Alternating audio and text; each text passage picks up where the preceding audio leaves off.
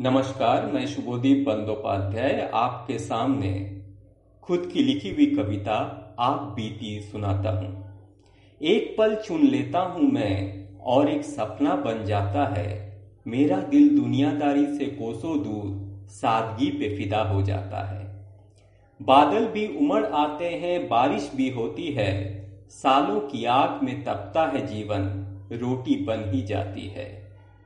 कुछ पल रोने नहीं देते, कुछ पल आंसुओं से भर देते हैं। कुछ पल की करवट में रात जिस्म को सुला देती है। कुछ बच्चे बैठ के कहानी सुनते हैं और दादी नानी अमर हो जाते हैं।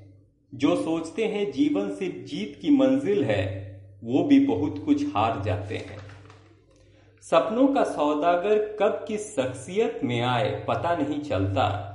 उठते सूरज को रोज सलाम करने वाले, डूबते सूरज को निहारते फलक तक पहुँच जाते हैं। माँ आती है लोरी बन, पापा दुलार देते हैं। बहना की राखी, भैया की ताकत बन जाती है। रोज कितने लोग इतिहास बन जाते हैं। एक पल चुनता हूँ मैं और यादों से पसीज जाता हूँ। आलादीन से अली बाबा, दिए की रोशनी में उम्र बढ़ जाती है। नमस्कार। आपसे फिर मुलाकात होगी। धन्यवाद।